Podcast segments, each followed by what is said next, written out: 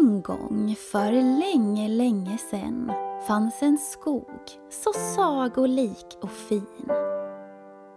Där hände magiska saker på riktigt och inte bara i fantasin. Sommaren hade kommit med solen, värmen och en himmel så blå. I sagan du nu ska få höra händer somriga saker som inte alls är hittepå.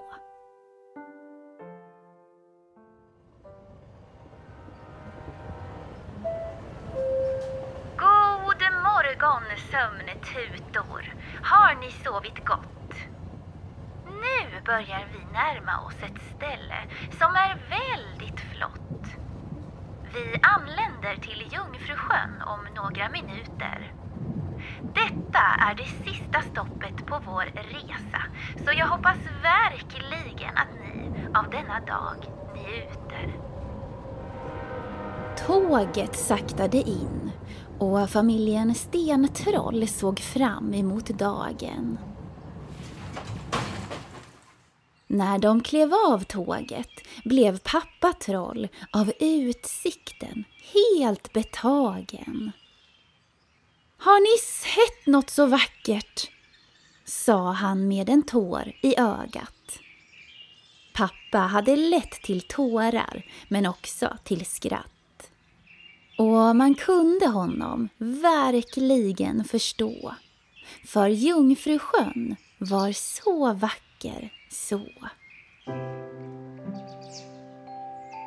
Jungfrusjön låg längst ner i en dal som var omgiven av gröna berg. I skyn flög enorma fåglar som alla hade en fin röd färg. De lät otroligt vackert och mamma Troll sa att de var papegojor.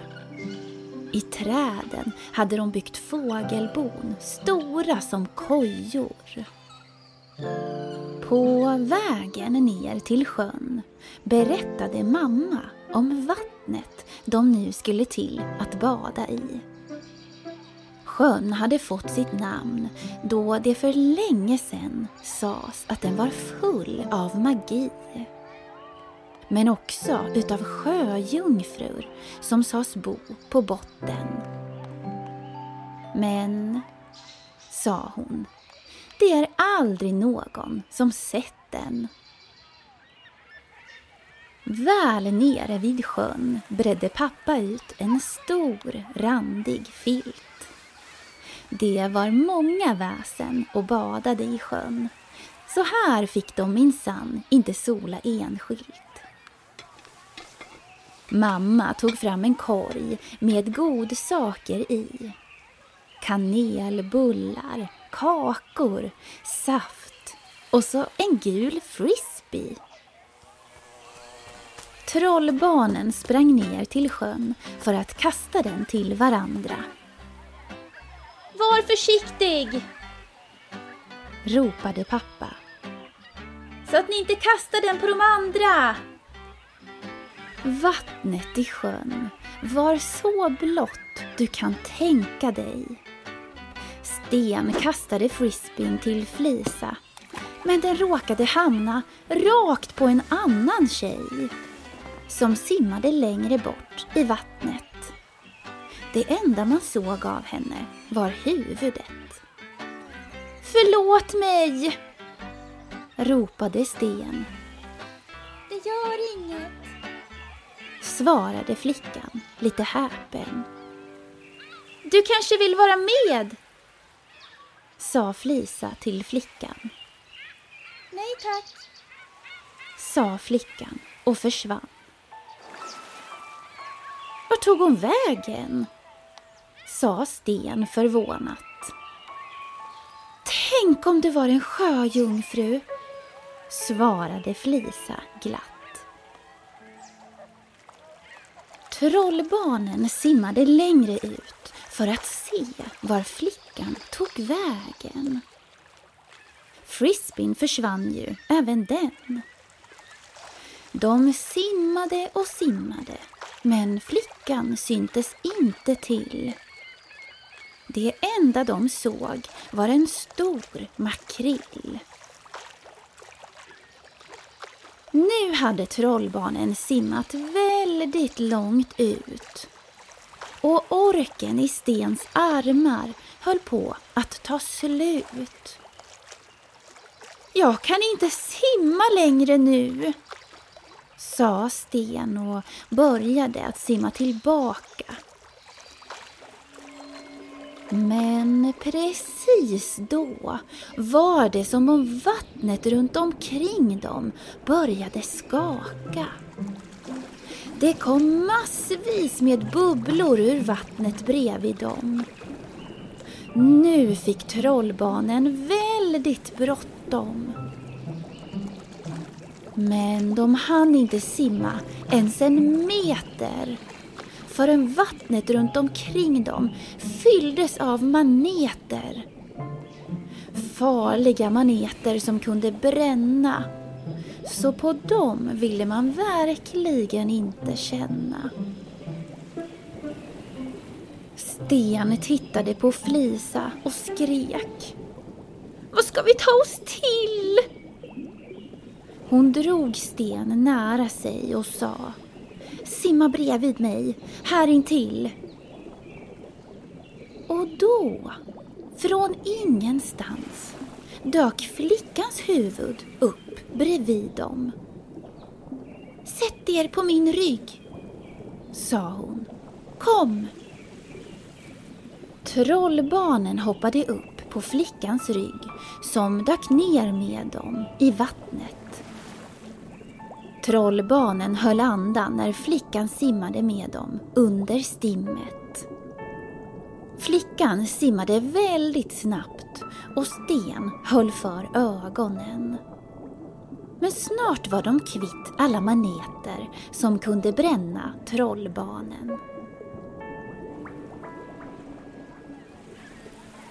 När hon tog upp dem till ytan igen spärrade Flisa upp ögonen. Flickan hade inga ben, förstår du. Hon var nämligen en vacker sjöjungfru. Säg inte till någon att ni sett mig, sa flickan och gav dem sen deras frisbee tillbaka. Jag vill inte en massa panik på stranden orsaka.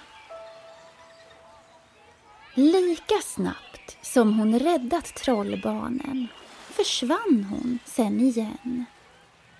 Sten och Flisa hade av henne blivit avsläppta nära stranden.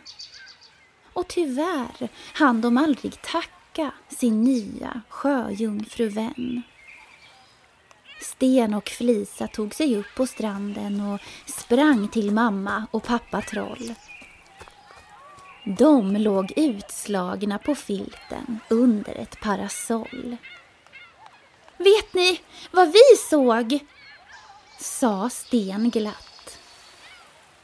Flisa avbröt honom. Jo, vi såg en jättestor eh, havskatt. Hon blängde på honom och sa tyst. Inte ett ord om sjöjungfrun, inte ens ett litet knyst. Och precis då hördes tåget åter rulla in på perrongen.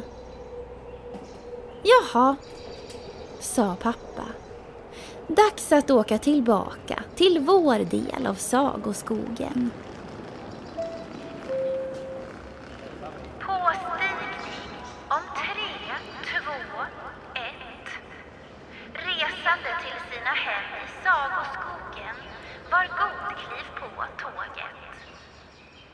Familjen Stentroll klev på tåget som nu skulle ta dem hem igen.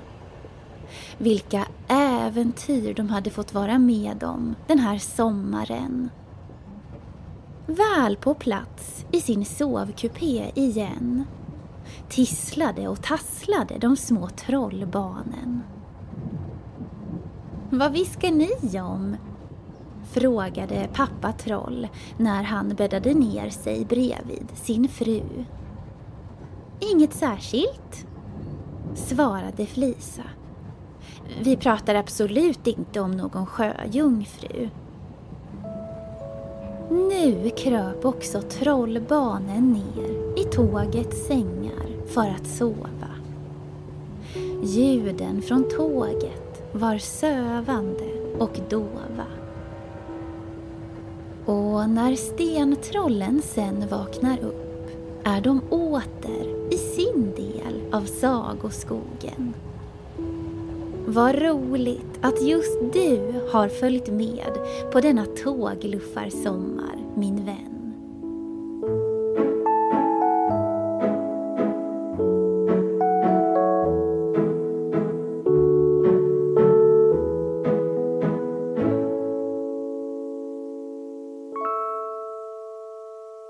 Ni har lyssnat på den femte sommarsagan Stentrollen Jungfrusjöns hemlighet.